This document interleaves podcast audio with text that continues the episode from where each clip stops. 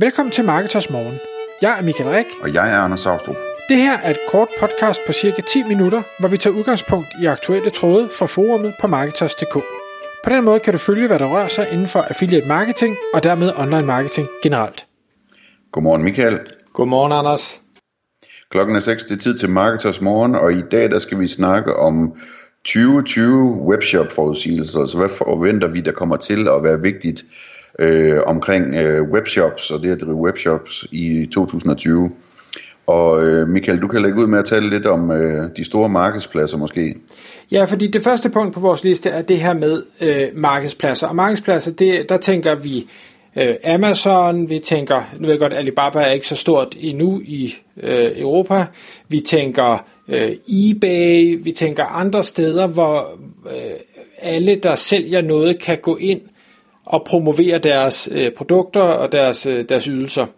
Og nu øh, sidder vi her i, i slutningen af 2019, og der har været raslet med, med Amazon-sablen længe. Amazon kommer til Skandinavien og ting og sager, og det er ikke sket endnu, og vi ved heller ikke, hvornår det... Jeg har i hvert fald ikke hørt noget for nylig om, at det skulle være lige på trapperne. Jeg ved ikke helt, hvorfor den døde. Men det ændrer bare ikke på, at vi kan se på alle tallene, at de her markedspladser, uanset om det er Amazon eller eBay eller Alibaba eller det der, at salget der eksploderer bare fuldstændig. Og selvfølgelig så det globale salg øh, vokser også online, men øh, de tager en større og større del af øh, det, der er. Og det vil sige, så er der nogle andre, der mister det, og det er jo så de webshops, øh, der sidder tilbage. Samtidig med, at der kommer flere og flere webshops, så de tager også fra hinanden. Og derfor så synes vi, at, at i 2020, der skal man overveje som webshop, de her platforme, bør jeg være der, og kan jeg være der? Hvis jeg bør være der, så er det noget med, har jeg ressourcer til at, at konkurrere på de her markedspladser, for de bliver også mere og mere crowded. Det vil sige, har, øh, ligesom, ligesom med, med SEO, hvor man kan sige, flere og flere arbejder med SEO, har jeg en ressource øh, in-house, eller kan jeg hyre mig til det, som kan hjælpe mig med at oprette de her produkter, som måske kan gøre, at jeg har unikke billeder og unikke tekster, og jeg kan indhente reviews, og jeg har råd til måske at betale mig for fordi det er, jo, det er jo, synes jeg, er meget øh, sjovt. Nu er det ikke bare en gratis markedsplads, nu kan man også betale sig for at placere sig bedre. Har jeg penge til det? Har jeg marken til at betale for alt det her?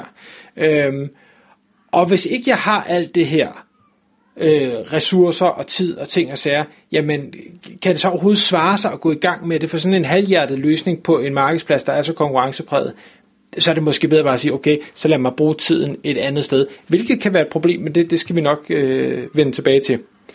Men Anders, jeg ved, at det her med at handle på Amazon, du sidder jo ofte på, på kundesiden, og du elsker Amazon og handle der, er det ikke rigtigt? Jo, det er rigtigt. Øh, det, det, er, det er mit foretrukne sted til at købe øh, alle de der forskellige ting, som man nu øh, typisk køber på Amazon. For eksempel elektronik og kontorudstyr og julegaver og sådan nogle ting. Så, så hvis jeg nu har en webshop her i, i 2020, og jeg skal, skal vinde dig som kunde, hvad, kan jeg det?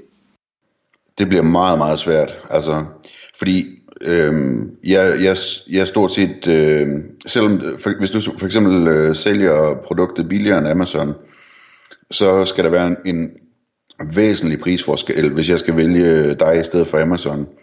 Øh, og og det, det er simpelthen fordi, at øh, jeg foretrækker at handle der af, af forskellige årsager, som er svære at konkurrere med.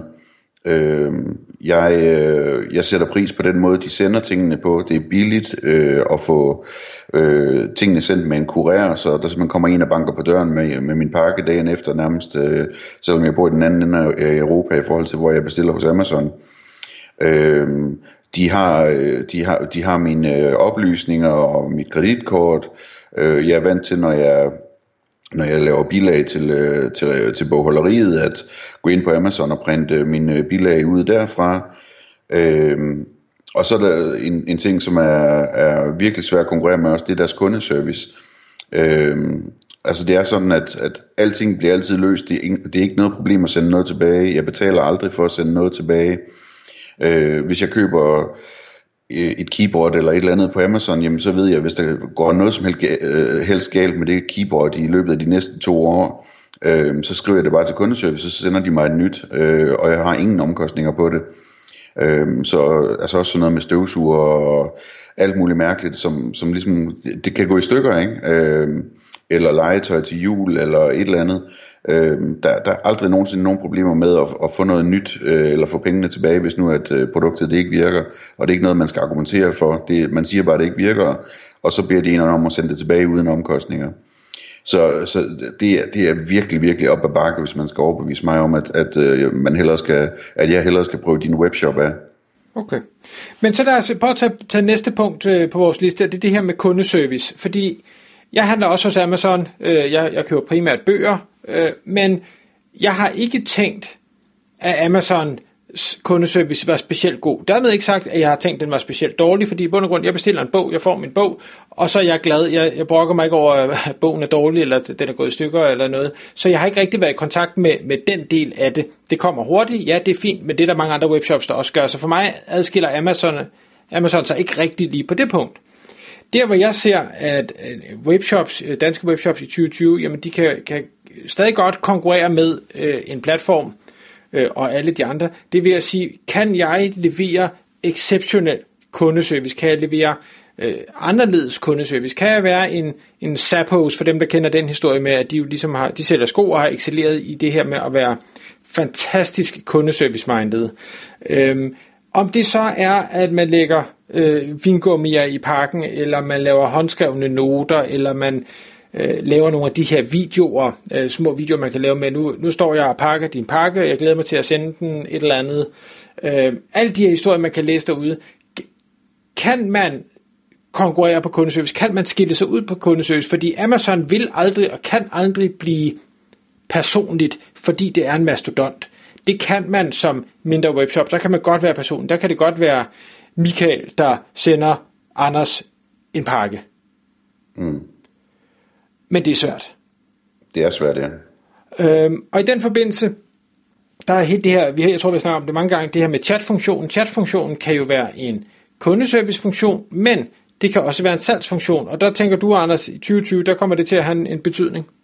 Ja, og det kan jeg jo se øh, i mit arbejde med affiliates, øh, hvor vigtigt det er, at, at en annoncør, det vil sige en webshop typisk, at, at, at en webshop øh, har en, en sælgende chatfunktion.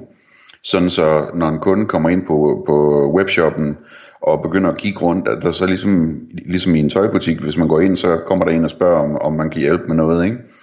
Øhm, og så for, forsøger man at få en dialog i gang, og, øh, og, og sådan en sælgende chatfunktion, øh, tror jeg er rigtig, rigtig vigtigt i forhold til at få lukket nogle salg. Øhm, dels med at, at, at hjælpe kunden med at, at være sikker på, at, at det er det rigtige øh, produkt, de vælger, dels med at, øh, at opsælge og mere sælge, og, og ligesom bare give den der tryghed om, at det her det er en rigtig butik, hvor vi faktisk er her for at hjælpe dig. Øh, det, det, det tror jeg vil være en, en rigtig, rigtig vigtig ting øh, konkurrencemæssigt i 2020, at, at man får lukket de salg på den måde. Næste punkt, vi skal have på listen, det er, er brand og, og branding. Og jeg ved godt, det her er jo lidt et, stadigvæk et fyreord inden for online marketing, fordi branding er rigtig svært at måle. Men jeg må indrømme, jeg er personligt nået til den erkendelse, at branding det er bare så mega vigtigt. Og her taler jeg ikke om, at man bare skal passe, kaste penge ud i luften på, på billboards eller tv-reklamer eller andre mærkelige ting, øh, som højst sandsynligt ikke virker. Her der taler jeg om, at du bliver nødt til at arbejde på, at folk de skal kunne huske dig.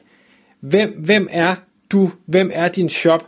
Øh, de skal jo selvfølgelig gerne huske dig for noget godt, men, men hvis du kan være top of mind, som, som jo det branding et eller andet sted er, jamen så er t- øh, sandsynligheden for, at det er dig, de så vælger, når man, når man skal ud og handle, øh, væsentligt større. Og, og, og hvordan man gør det i den enkelte shop, jamen, det må man selvfølgelig gøre med sig selv, men, men jeg synes bare, hvis ikke man har det som et fokuspunkt i 2020, så, så tror jeg godt nok, at det bliver, det bliver svært at komme, Ja, det kan godt man kan komme til 2021, men, men man skal nok ikke regne med, at, øh, at man har mange år at, at leve fremadrettet. Nej, og det, hvad hedder det, altså hvis ikke man ligesom har et brand, jamen så er den eneste grund til, at nogen skulle handle øh, hos dig, det ville være prisen jo. Medmindre du sælger noget helt unikt, som andre ikke sælger. Øhm, så så, så det, det, det er vigtigt, at man, øh, at man tilbyder et eller andet, der gør, at folk de vælger ens butik, i stedet for øh, en anden, som sælger det samme i bund og grund. Og, og der, det, det er også, man kan sige, det er lidt branding. Så er dit brand, du er altid billigst. Øhm, eller øh, dit brand er, jamen du er den eneste, der har det her. Ja. Øhm, Og, og det bringer os egentlig rigtig fint videre til, til de, de næste punkter, øh, som vi har kaldt øh, USP'er, altså Unique øh, Selling Propositions, altså øh, hvad, hvad er unikt ved dig, og hele det her med, hvad er din berettigelse. Og jeg, jeg snakker med rigtig mange webshops, hvor jeg så siger, jamen, hvad, hvad, I sælger et eller andet, som 15 andre butikker også sælger.